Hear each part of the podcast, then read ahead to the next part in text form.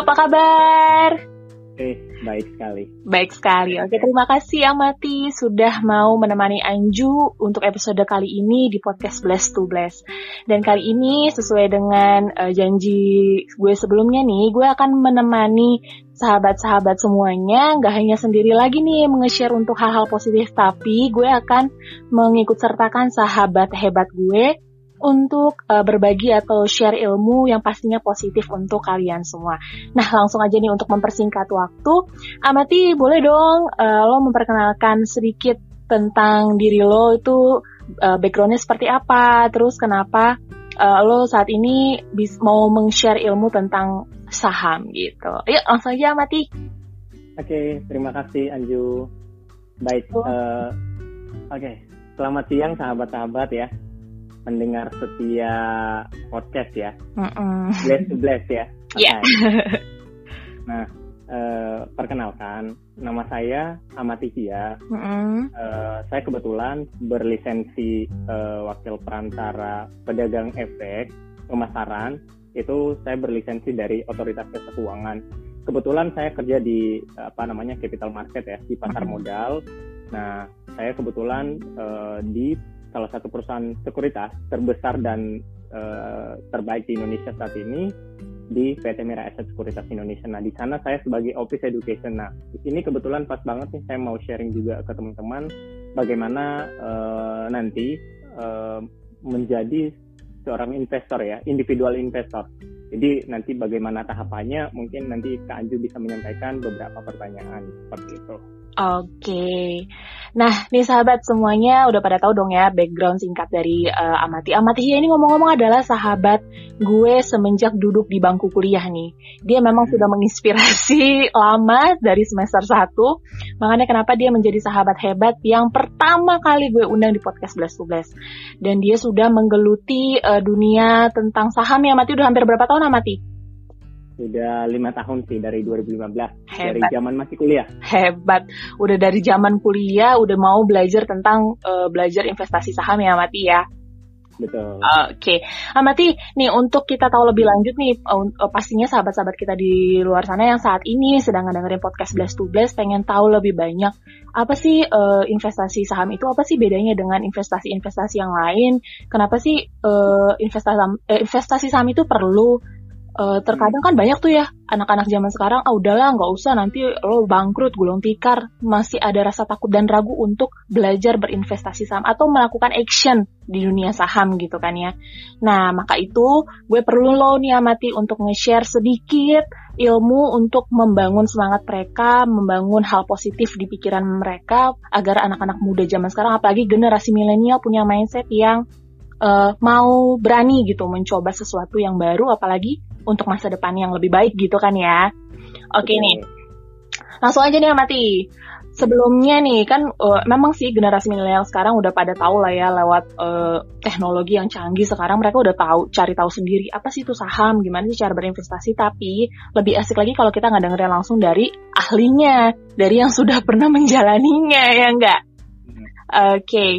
Nah, Amati, sebelum kita lanjut ke pertanyaan-pertanyaan yang lebih sulit nih, gue ajuin nih kalau pertama nih Amati, investasi di pasar saham itu tuh seperti apa sih sebenarnya? Terus uh, banyak tuh yang bilang, apa sih hubungannya sama perusahaan sekuritas? Sekuritas itu berperan apa gitu? Ya. Oke. Okay. Eh, Anju, kan ini nanti kan saya bakal dihujani banyak pertanyaan nih. Boleh nggak saya nanya sedikit aja.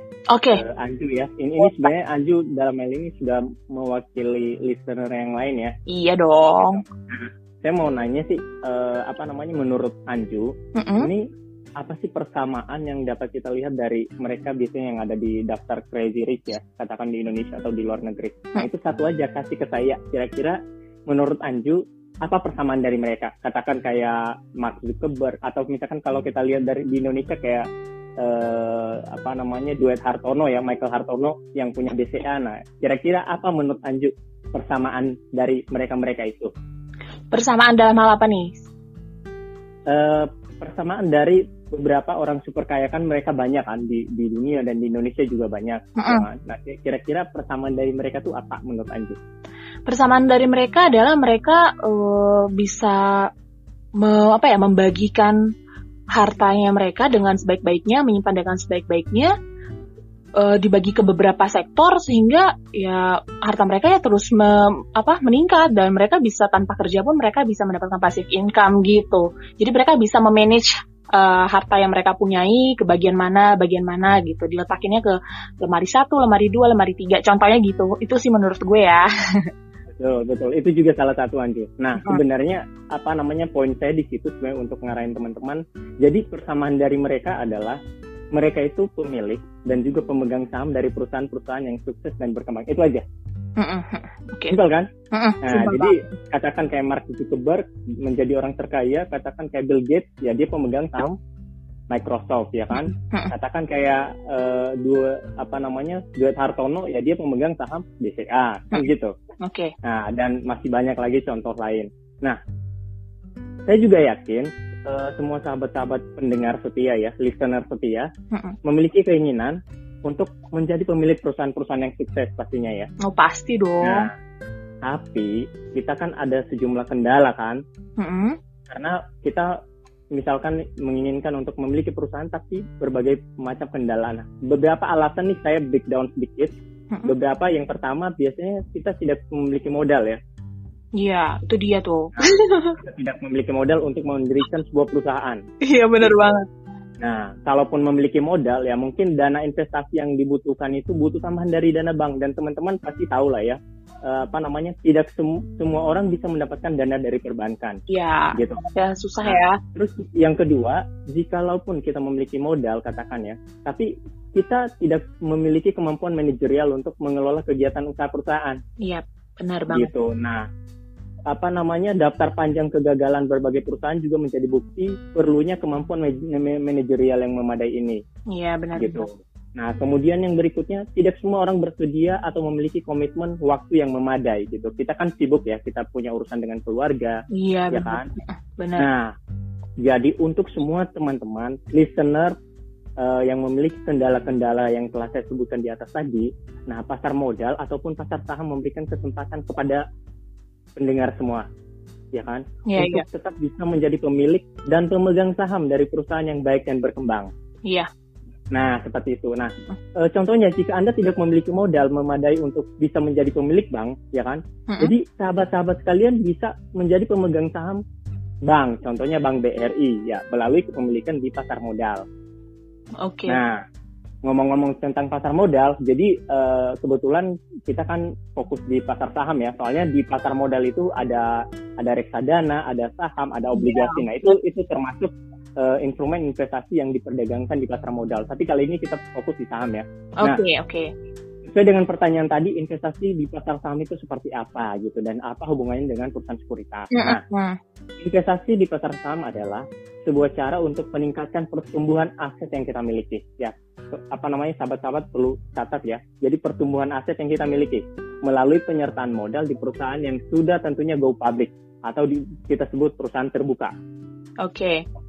Nah, kemudian membeli saham sama artinya dengan membeli sebagian kepemilikan perusahaan. Misalkan tadi membeli saham BRI sama artinya menjadi pemilik Bank BRI. Jadi nah, kita punya Bank BRI ya. Jadi kita adalah salah satu betul. pemiliknya ya. Wow. Betul. Betul. Walaupun di, dengan jumlah yang kecil ya sesuai dengan kepemilikan kita gitu. Nah, atau sebaliknya jika sahabat-sahabat sekalian suka produk apa namanya seperti Indomie, ya teman-teman bisa membeli saham ICBP gitu. Dan beberapa perusahaan-perusahaan go public yang ada di sekeliling kita lainnya. Oke. Okay. Nah, untuk menjadi individual investor ini, sahabat-sahabat tidak bisa ujuk-ujuk datang ke perusahaan untuk membeli kepemilikan sahamnya. Hmm. Nah, ini tadi peran perusahaan sekuritas. Jadi perusahaan sekuritas itu sama dengan perantara, gitu. Nah, okay. misalkan nih, misalkan nih, eh, sahabat-sahabat ke Bank BRI untuk membeli saham BRI, nah itu nggak bisa. Tapi sahabat sekalian harus membelinya melalui perusahaan perantara, yaitu sekuritas tadi. Oke, jadi adalah perusahaan sekuritas adalah jembatan ya yang menghubungkan uh, kita sebagai nantinya akan menjadi investor ke perusahaan yang akan kita tanam sahamnya. Seperti itu ya, Mati ya? Tepat sekali, Andi. Oh gitu. Nah. Oke, okay. jadi sahabat-sahabat nih, udah tahu lah ya apa sih itu pasar saham, investasi, eh, investasi di pasar saham itu seperti apa dan apa sih hubungannya eh, perusahaan sekuritas itu dengan kita menanam saham di perusahaan-perusahaan besar tentunya. Nah, Mati nggak cukup itu aja nih, Mati. Uh, kalau misalnya ditanya nih, ketika hmm. kita bisa menjadi investor pemula, keuntungan hmm. investasi itu sebenarnya apa sih di pasar saham? Nah, seperti kalau kita berinvestasi di instrumen lain ya, kalau misalkan teman-teman, eh, sorry sahabat-sahabat pernah berinvestasi katakan di deposito, ya kan, atau uh, berinvestasi langsung di perusahaan rekan-rekan sekalian, nah biasanya sama, kita juga punya keuntungan. Nah, untuk di saham sendiri, uh, beberapa keuntungan yang pertama adalah capital gain. Hmm. Nah, mungkin agak asing ya capital gain, tapi bahasanya sangat simpel sebenarnya capital gain itu adalah selisih mm-hmm. antara harga beli kita mm. dan harga ketika kita menjual saham yang kita punya. Oke, okay, oke. Okay. Seperti itu. Nah, terus yang kedua, dividen. Nah, dividen itu laba atau keuntungan dari perusahaan yang dihasilkan oleh perusahaan dan dibagikan ke kita sebagai investor atau pemegang saham. Oke. Okay. Seperti itu. Nah, terus yang ketiga, uh, sebenarnya ini antara keuntungan atau uh, apa namanya bukti bahwa kita memiliki saham yaitu rapat umum pemegang saham. Jadi teman-teman itu, sorry sahabat-sahabat sekalian bisa ikut rapat umum pemegang saham gitu. Jadi kalau misalkan ada uh, katakan kayak vote untuk memilih uh, komisaris, direksi, jadi sahabat-sahabat sekalian bisa datang seperti itu atau Eh, kegiatan-kegiatan lain yang sosial untuk diputuskan di perusahaan seperti itu. Oke okay, oke. Okay. Gitu. Jadi uh, intinya ada tiga tadi capital gain, dividen dan bisa ikut rapat umum pemegang saham seperti itu. Oh, berarti ada tiga keuntungan yang akan kita dapat jika kita berinvestasi atau menjadi investor di pasar saham ya, Mati ya. Capital lalu uh, dividen dan RUPS ya Mati ya kalau di betul, ya betul, benar ya betul, betul, betul. oke nih lanjut ya Mati nggak cuma itu aja nih udah tahu nih kita pasar saham itu apa hubungannya dengan eh, perusahaan sekuritas itu apa kemudian keuntungannya dan gue mau tanya nih hmm. terkadang di luar sana tuh banyak yang ber apa ya berpikiran yang punya mindset eh jangan deh jangan investasi di pasar saham lu nanti kalau gue tikar uang lu ke, uh, kesedot lagi lu nggak bisa ngambil yang ada lu jatuh rugi gitu istilahnya Tuh. karena mereka Tuh. belum tahu badannya atau isi dari pasar saham itu apa gitu kan nah sebenarnya nih ya banyak yang omong-omong-omongan seperti itu sebenarnya dari lo sendiri nih Amati yang udah tahu nih dunia saham itu seperti apa aman gak sih hmm. berinvestasi di pasar saham itu betul nah jawaban awal pertama saya ya sangat aman tentunya ya oke okay. nah kenapa karena pertama pasar saham di Indonesia dikelola oleh Bursa Efek Indonesia. Hmm, oke, nah, oke, oke. Dan diawasi oleh Otoritas Jasa Keuangan. Hmm, nah, sahabat-sahabat sekalian pasti sudah tahu lah ya, OJK adalah lembaga independen yep, tertinggi yang berada langsung di bawah Pak Presiden nih, hmm. ya kan? Nah, fungsinya untuk mengawasi aktivitas berbagai institusi keuangan. Hmm. Jadi financial institution termasuk perbankan juga dan juga termasuk pasar modal juga pasar saham okay. seperti itu. Jadi segala transaksi, nah itu semua diawasi gitu. Jadi nggak ada nggak ada yang ditutup-tutupi. Namanya perusahaan publik berarti semua transparan seperti itu. Nah, okay. terus, hmm? nah terus yang kedua, kenapa saya bilang aman? Ya, bursa efek ini memiliki anggota bursa yang kita sebut tadi sebagai sekuritas. Nah, okay. sekuritas ini juga terdaftar dan diawasi langsung oleh otoritas jasa keuangan. Di pembukaan di awal tadi saya sudah sampaikan, hmm. saya berlicense saja itu dikeluarkan langsung oleh OJK. OJK. Gitu. Jadi eh, apa namanya sahabat-sahabat yang mau berinvestasi ya kita tidak perlu takut karena eh, apa namanya berinvestasi di saham benar-benar sudah diawasi oleh pemerintah melalui otoritas jasa keuangan. Iya ya, jadi kalau misalnya macam-macam nih, contohnya dari perusahaan sekuritasnya nih macam-macam atau um, hmm. melakukan sesuatu hal yang negatif atau ilegal, wah langsung dikecam sama negara istilahnya gitu lah ya bahasa kasarnya betul. gitu ya. Betul, betul. Oke, okay. jadi nggak bisa macam-macam dan semuanya aman ya, clearnya nih Amati ya aman berinvestasi di pasar saham. Betul. Nah terus ini satu lagi nih Anju.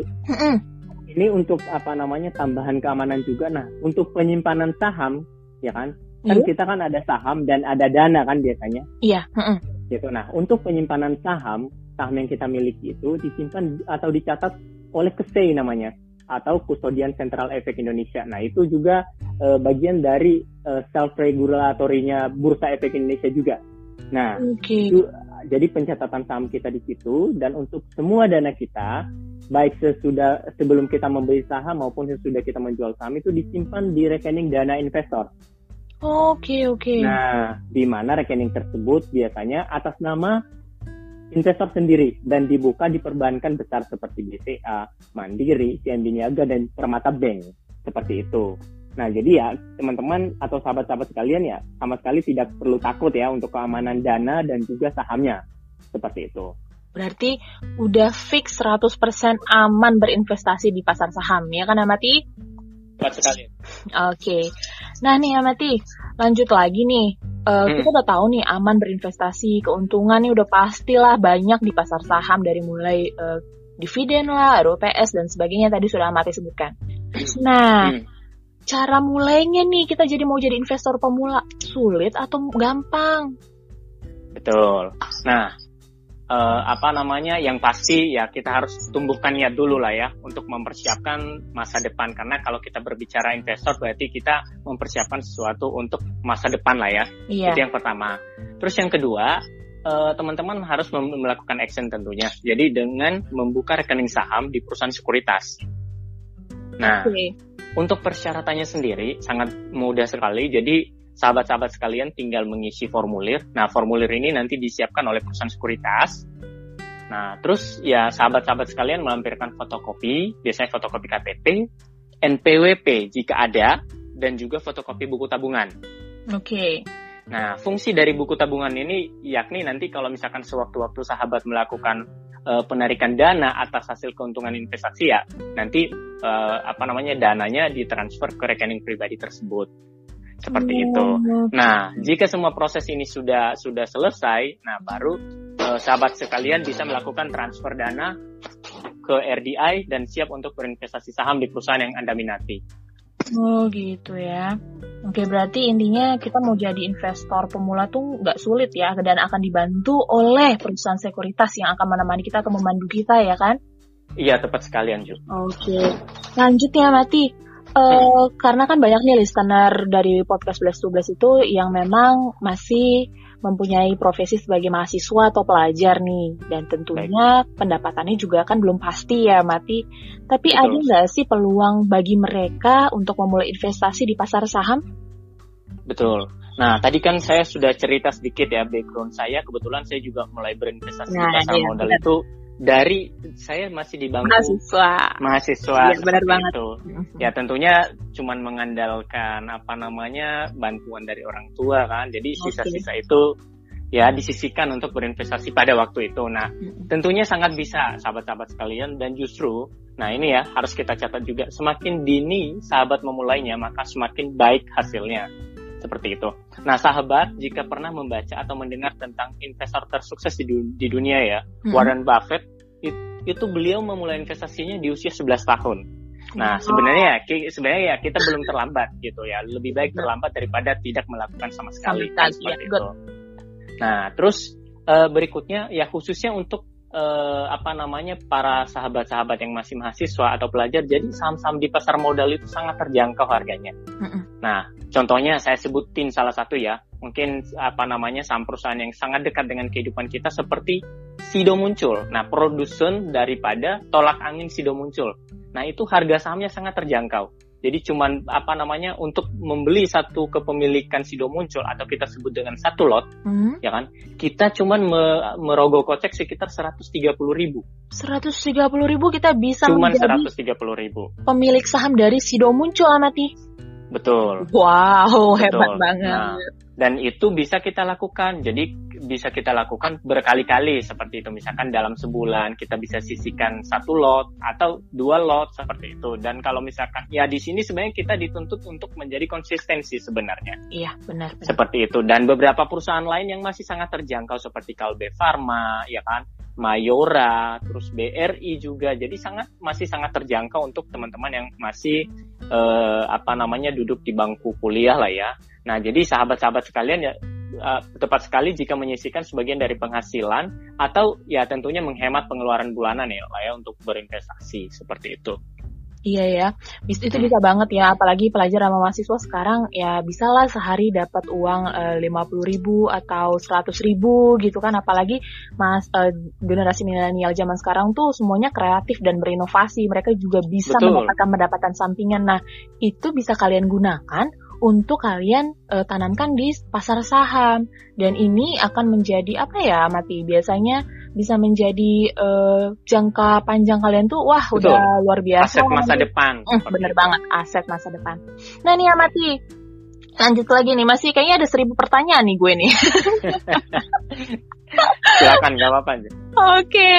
oke okay, sahabat kita lanjut lagi nih kita mau kuak-kuak lagi nih ilmu-ilmu dari Amati yang udah bergelut di dunia investasi di pasar saham. Nih lanjut Amati ya, gue mau tanya lagi nih. Nah, kalau kita udah berinvestasi nih kayak tadi lo udah uh, mahasiswa atau pelajar atau ah generasi milenial zaman sekarang yang udah mau menjadi investor pemula, udah hmm. tahu nih keuntungannya, udah punya pasar uh, sorry perusahaan sekuritas yang menemani dia hmm. atau memandu dia untuk menanam saham. Nah, hmm. saham itu kan banyak tuh ya perusahaan-perusahaan yang uh, masuk ke dalam list di apa uh, Bursa Efek Indonesia gitu kan ya. Betul. Nah, ada sekitar 690-an sekarang. 600 ya, tapi kan nggak semua tuh 600 600-nya kita tanamin uh, saham kita ya. Betul. Nah, pasti kan kita harus pilih yang tepat nih ya Mati. Gimana sih kita hmm. tahu nih perusahaan nih bagus nih buat kita tanam, bagus nih buat kita bisa menjadi uh, menjadikan dia adalah milik kita gitu. Nah, Betul. itu gimana caranya Mati?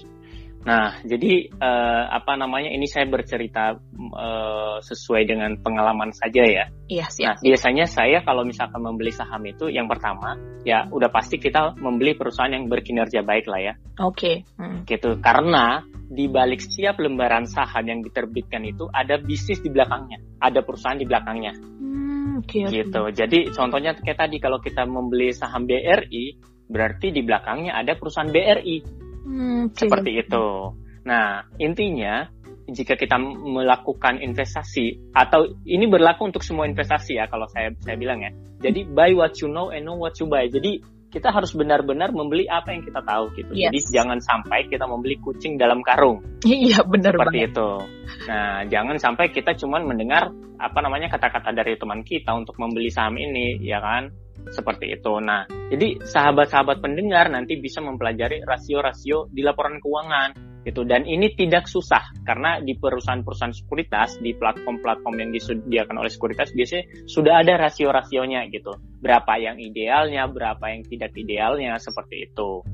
Dan di beberapa website lain juga tersedia dan yang paling bisa kita pegang itu ada di website Bursa Efek Indonesia sendiri.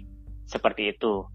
Nah, jadi kita bisa belajar dari situ, sahabat-sahabat. Jadi uh, tidak terlalu sulit lah, sulit lah untuk kita, apalagi kita yang uh, merasa oh iya saya kan bukan background uh, apa namanya keuangannya, ya, gitu. Benar. Jadi sebenarnya nggak nggak sesulit itu, gitu, nggak sesulit seperti itu. Nah, terus yang kedua itu kan tadi belilah perusahaan yang berkinerja yang baik ya, ya. berkinerja baik tentunya.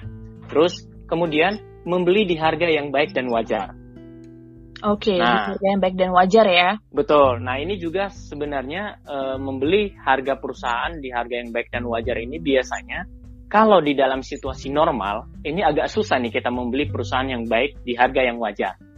Oh, nah okay. kebetulan sebenarnya nih kalau sahabat-sahabat sekalian baru memulai investasi ya kan di masa di masa krisis karena pandemi sekarang ini jadi banyak perusahaan yang baik ya kan yang sedang berada di harga wajarnya. Oke. Okay. Nah, seperti itu. Nah, mungkin nanti kita akan bahas ya di di apa namanya di uh, berikutnya untuk uh, bagaimana cara pembeliannya dan segala macam. Dan kemudian yang ketiga, biarkan waktu dan manajemen bekerja untuk membuktikan kinerja dari perusahaan Anda.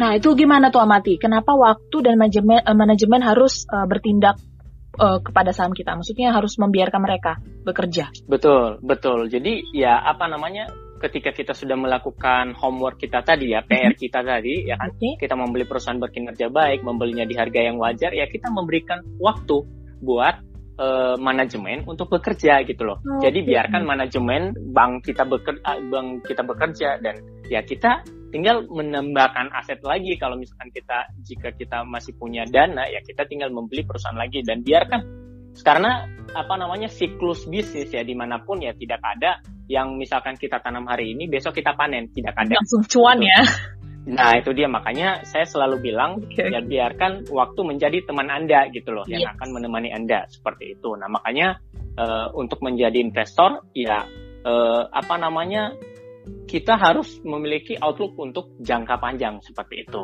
Yaps benar banget. Hmm. Oke nih Amati ngomong-ngomong soal kita harus memiliki outlook untuk jangka panjang. Berarti hmm. nih benar nggak sih saham ini bisa dijadikan passive income? Nah, tepat sekali sih. Nah, jadi kalau misalkan untuk untuk uh, apa namanya sahabat-sahabat yang nantinya akan menjadi investor untuk jangka panjang, menjadikan kepemilikan saham sebagai passive income itu saya rasa itu hal yang sangat wajar lah ya. Hmm. Nah, di mana pada akhirnya uang sahabat-sahabat sekalian yang bekerja untuk anda semua. Jadi melalui penerimaan nih, melalui penerimaan dari dividen yang sudah saya uraikan tadi. Nah, in, itu dividen itu dibagikan setiap tahun ya kan? Okay. Dan nilai dari dividen tersebut terus bertumbuh sesuai dengan kinerja perusahaan. Yep, benar banget. Seperti itu. Nah, ini tadi normalnya untuk pembagian dividen ini sebenarnya sekali sekali dalam setahun. Tapi di Bursa Efek Indonesia itu ada beberapa perusahaan yang bisa menjadi perhatian kita nih, di mana perusahaan tersebut membagi dividen lebih dari satu kali aja. Jadi contohnya seperti iya. Unilever, ya kan, terus uh, Indofood, terus BCA dan ada beberapa perusahaan-perusahaan lain yang berkinerja sangat baik dan rajin membagikan dividen jadi lebih dari satu kali dalam setahun. Nah itu bisa hmm. jadi passive income kita gitu. Nah itu tadi tapi kita butuh waktu ya kan kita juga harus mengumpulkan aset kita sebanyak-banyaknya sebanyak mungkin ya dan di suatu waktu ya kita boleh uh, pensiun secara apa namanya mungkin lebih dini lah ya dari uh, sahabat-sahabat yang lain ya. seperti itu. Betul betul daripada itu. daripada misalnya kita bisa pensiun lebih dini daripada uh, usia produktif yang seharusnya ada misalnya sampai 65 tahun pad padahal 50 tahun juga kita udah bisa tenang-tenang aja karena kita hmm. udah punya passive income dari konsistensi kita di dunia pasar saham benar nggak Amati? Setuju Anjur. Oh, ya. Oke, okay. Amati lanjut nih. Hmm nggak cuma pasif income aja yang mau gue tanya di dunia pasar saham, tapi hmm, gue mau hmm. nih, uh, hmm. sebenarnya investasi itu kan banyak ya di berbagai bidang. Tapi apa sih kelebihan uh, kita berinvestasi di pasar saham dibandingkan nih dengan model investasi lainnya seperti obligasi, uh, terus deposito bank, reksadana hmm. dan sebagainya. Biar teman-teman tuh hmm. ya sahabat-sahabat semua tuh kebuka, wah kalau gue tuh harus di, uh, keuntungan di pasar saham tuh dibandingkan yang lain tuh kayak gini. Jadi mereka lebih apa ya, lebih positif lah, lebih yakin. Betul. gitu. Betul. Nah, kalau kita melihat dari sisi keuntungan sih, eh sorry keunggulan yang pertama mm-hmm. sih saya saya sampaikan itu biasanya lebih ke tingkat return sih atau keuntungan yang tinggi lah ya. Mm-hmm. Nah, kalau kita berkaca dari instrumen investasi lain yang Anju sampaikan tadi seperti deposito, mm-hmm. deposito untuk saat ini setiap tahunnya itu uh, eh, 5% kalau saya tidak salah ya rate-nya. Terus okay. obligasi itu sekitar 7%. Nah, okay. di saham, nah kalau misalkan reksadana biasanya agak fluktuatif nih kalau reksadana kadang 10 sampai 15 persen per tahun gitu. Hmm. Nah, tapi kalau di saham sendiri, apa namanya uh, kenaikan daripada capital gainnya itu, nah itu itu bisa lebih dari yang saya sebutin tadi 5, 7 sampai 10 sampai 15 persen gitu. Nah, tapi kalau misalkan kita berkaca pada beberapa perusahaan ya dalam kalau misalkan kita lihat uh, dalam lima tahun terakhir ya kan seperti BCA kan oke. okay. kayak BCA itu itu dia naik dalam lima tahun terakhir itu naik hampir uh, eh, 100% gitu. Nah itu kalau misalkan kita kita apa namanya kita rata-ratain ya dalam setahun berarti dia naik sekitar katakan 25% setahun gitu. Seperti itu Nah, okay. nah itu satu ya dari tingkat keuntungan ya, keuntungan otomatis ya. itu okay. keuntungannya sangat tinggi. Terus yang kedua liquidnya, likuiditasnya. Liquid itu sama artinya dengan kalau bahasa awamnya cair lah ya. Jadi Cairnya. gini, maksudnya gampang dicairkan, artinya yes. gampang diperjualbelikan. Oke. Okay. Nah, seperti itu. Jadi kalau misalkan uh, apa namanya sahabat-sahabat sekalian katakan uh, membeli de produk deposito, itu kan kalau misalkan Anda mau mencairkan produk deposito tersebut, Anda harus datang ke bank seperti itu kan. Nah, terus kalau misalkan Anda misalkan me, mencairkan deposito sebelum waktunya biasanya ada penalti. Nah, untuk di saham itu kabar baiknya itu tidak ada. Tidak ada Jadi, ya. sahabat-sahabat sekalian bisa memperjualbelikan sahamnya kapan saja. Wow. Kapan pun dan di mana pun, yang penting ada uh, koneksi internet ya. Karena segala se, apa namanya untuk saat ini jual beli atau transaksi di saham itu menggunakan online trading. Pasti pasti itu dia. Seperti itu. Nah terus ini, ini ini keunggulan berikutnya nih bisa diwariskan sahabat oh, sekalian. Jadi misalkan uh, apa namanya sahabat sekalian sudah punya anak ya kan bagi yang udah punya anak gitu. Nah ini bisa sangat bisa diwariskan gitu karena ya namanya juga kita memiliki perusahaan ya otomatis kita juga bisa mewariskan perusahaan tersebut ke keluarga kita seperti itu. Oke, jadi keunggulannya atau keuntungannya dibandingkan model yang lain, investasi yang lain hmm. banyak banget ya di pasar saham ya. Apalagi bisa diwariskan. Jadi nggak ada tuh kata-kata penalti, nggak ada tuh kata-kata raib, ya kan nggak ada ya mati ya. Dan Tepat itu akan sekali. selalu ada. Wow, semuanya nah. gampang, semuanya dibuat uh, mudah sehingga kita nah. juga dan transparan ya mati ya. Betul, betul, betul. Transparan, transparan ya. sekali. 24 jam kita bisa memantaunya ya. Wow, luar biasa. Hmm Nah, oke nih Amati, gue mau hmm. tanya nih. Hmm. Kita udah tahu nih tentang apa sih itu uh, pasar saham, apa sih itu perusahaan hmm. sekuritas. Hmm. Masih nggak nggak terlalu luas banget ya tadi ya. Hanya udah tau lah gambarannya dari Amati. Keuntungannya apa? Aman gak sih berinvestasi di pasar saham? Terus perbandingannya dengan model investasi yang lain itu seperti apa? Nah, Betul saat ini kan kita sedang mengalami masa pandemi COVID-19 ya mati dan oh. dan kita udah tahu ya sama-sama udah tahu lah apalagi generasi eh, milenial sekarang sudah banyak merasakan uh, gejalanya seperti hmm. apalagi hmm. di bidang sektor finansial kan kita tuh benar-benar uh, jatuh bangun jatuh bangun saat ini dan kita mencoba untuk bertahan gimana caranya untuk bisa bertahan di masa pandemik ini. Nah, aman gak sih kalau misalnya generasi milenial nih di luar sana menyimpan asetnya di hmm. pasar hmm. saham Mati di masa seperti ini ya, di masa pandemi Betul. ini. Nah, coba hmm. Mati gimana caranya?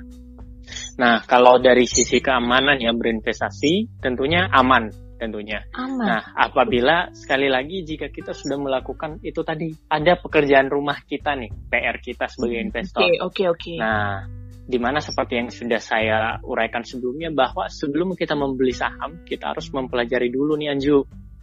Nah, jadi apa namanya kita harus ya? pelajari dulu, betul kinerja perusahaannya bagaimana ya kan. Nah, itu biasanya pintu gerbang untuk mengetahui kinerja perusahaan bagus atau tidak itu melalui laporan keuangan. Oke. Okay. Seperti itu. Nah, biasanya nih ke apa namanya perusahaan yang rawan terjadi eh, apa namanya bangkrut lah ya kebangkrutan yeah. saat krisis itu biasanya perusahaan dengan beban keuangan yang besar seperti itu. Nah itu juga jadi eh, warning buat kita. Jadi sebelum membeli saham kita harus melihat dulu ini perusahaan yang eh, apa namanya yang zero debt ya atau atau atau ini perusahaan yang utangnya udah nggak masuk akal lagi lah seperti itu. Nah itu nanti kita ada rasio rasionya. Nah, terus kita juga harus melihat juga Anju seperti track record perusahaannya bagaimana, terus track record manajemennya juga bagaimana gitulah. Okay. Nah, karena ya bagaimanapun uh, harga saham pada akhirnya akan mengikuti kinerja daripada perusahaan. Okay. Seperti itu. Walaupun dalam jangka pendek kita bisa tetap melihat fluktuasi lah ya. Okay. Jadi semakin ada ketakutan biasanya harga saham turun dan sebaliknya kalau misalkan ada berita katalis yang positif biasanya harga juga naik seperti oh, itu. Oke okay, oke. Okay. Nah tapi, nah justru ini justru untuk kesempatan membeli saham di perusahaan-perusahaan yang bagus ya, yang sudah kita uraikan tadi, ya di saat krisis seperti ini. Nah karena kenapa? Karena di situasi normal, sahabat-sahabat sekalian akan sangat sulit sih untuk membeli uh, saham-saham perusahaan yang uh, baik ya di harga wajarnya. Contohnya BRI lah ya, kalau mm. kalau sahabat sekalian melihatnya di awal tahun kemarin ya memang waduh ini sangat tidak sesuai nih harganya nih. Ya kan hmm. sudah sangat tinggi gitu. Karena ya orang over untuk uh, apa namanya optimis gitu loh. Bahwa ekonomi akan terus baik-baik saja seperti itu kan. Nah tapi uh, justru ketika terjadi krisis se seperti sekarang ini nah justru ini, itu kesempatan kita untuk membeli. Karena harga sahamnya juga turun gitu. Tapi di fundamental atau di di apa namanya di kinerja perusahaan tidak terlalu banyak yang berubah sebenarnya okay, seperti okay, itu. Okay. Nah, ini kalau misalkan uh, apa namanya sahabat sekalian pernah membaca-baca uh, apa namanya sejarah investor sukses ya di Indonesia sendiri ada banyak tuh Anju yeah. Iya. uh, apa namanya investor sukses yang berani take action di saat krisis ya. Mungkin uh, sahabat sekalian pernah mendengar nama Lo Keng Hong, Pak Sandiaga Uno gitu kan. Sandiaga Uno. Pak Sandiaga Uno. Pak Sandiaga Uno kan sangat terkenal. Nah, yeah. itu juga beliau sebenarnya alumni 98 itu. Maksudnya alumni krisis tahun 98. Wow. Gitu. Jadi dia alumni. banyak melakukan akuisisi di perusahaan-perusahaan gitu hmm. pada saat terjadi krisis juga apa namanya perusahaan BCA juga sebenarnya beralih ke pemilikan ke apa namanya ke dua Hartono itu di tahun 98 juga seperti itu. Okay, nah, okay, jadi ya apa namanya teman eh, sahabat-sahabat sekalian ya tunggu apa lagi sebenarnya ini kan kesempatannya sudah sangat baik ya. Jadi ya yuk kita mulai berinvestasi di pasar modal Indonesia khususnya dengan membeli saham ya kan Hmm. sahabat-sahabat sekalian bisa membeli perusahaan sekuritas yang terdaftar di Bursa Efek. Nah, ini juga penting ya dilihat ya. Jadi harus terdaftar di Bursa Efek gitu kan, karena diawasi oleh otoritas jasa keuangan untuk dijadikan sebagai partner sahabat sekalian untuk memulai investasi. Nah, Anju dan sahabat-sahabat sekalian, hmm? uh, sebenarnya bisa kepo ini tentang beberapa sekuritas yang terbaik di Indonesia. Nah, di mana juga kebetulan uh, saya bekerja di sana di perusahaan yang terbaik di Indonesia. Nanti sahabat-sahabat bisa googling ya untuk membuktikan apakah statement saya uh, benar atau tidak. Benar gitu. atau tidak ya nah, pembuktian betul, ya. Betul. Jadi di mana saya kebetulan bekerja di sana. Nah, sahabat-sahabat sekalian bisa kepoin di Instagram kita ya di @miraiasetsekuritas underscore.id. .id. Oke. Okay. Nah, bisa juga sahabat sekalian bisa follow dan DM ke saya ya jika ada pertanyaan lebih lanjut di uh, @amatihia. Ini juga di Instagram ya. Nah, di Instagram nah, atau ya. bisa betul atau bisa juga hubungin saya juga lewat telepon atau WhatsApp di 0813 1163 0950. Nah, terima kasih Anjo. Nah, Amati terima kasih banyak udah men-sharekan hal-hal positif terlebihnya memberikan ilmu tentang uh, investasi di pasar saham Amati dan itu sangat luar biasa. Nah, Amati Uh, nanti hmm. untuk uh, sahabat-sahabat listener semua di podcast 11 hmm. tenang aja gue akan menyertakan uh, kontak dari Amati sehingga dari hmm. Instagramnya, hmm. dari WhatsAppnya di describe nanti di podcast gue. Jadi hmm. jadi kalian bisa langsung ngeliat uh, kontaknya. Jadi kalau misalnya mau nanya-nanya lebih lanjut untuk investasi di pasar saham ataupun mau dibantu untuk menanamkan saham langsung membuka akun saham di uh, Mire Aset, nanti kalian bisa langsung hubungi Amati dan Amati sangat terbuka sama kalian. Nah, Amati, Siap. untuk hmm. mungkin alamat emailnya bisa dikasih tahu Amati. Am Boleh. Alamat email lo, hmm? Nah, untuk alamat email saya amatihia@gmail.com amatihia@gmail.com. Tenang aja sahabat, nanti gue akan taruh semuanya di script tentang kontak dari Amati dan Amati sangat sangat terbuka untuk menerima pertanyaan uh, kalian seputar dunia saham. Nah, Siap, Amati, Uh, Amati, terima kasih banyak udah mau menyisikan waktunya untuk menjadi narasumber di podcast Blast to Blast dan membagikan hal-hal positif, hal-hal yang luar biasa banget untuk sahabat-sahabat listener semua. Semoga ini bermanfaat dan bisa menjadi apa ya peluang yang besar bagi generasi milenial tentunya saat ini nih yang paling utama nih. Nah, Mati tetap jaga kesehatan ya Mati di masa pandemi COVID-19 ini. Oke, okay? sahabat-sahabat uh, podcast uh, listener to Best, terima kasih. Amati, terima kasih. Have a good day. Bye.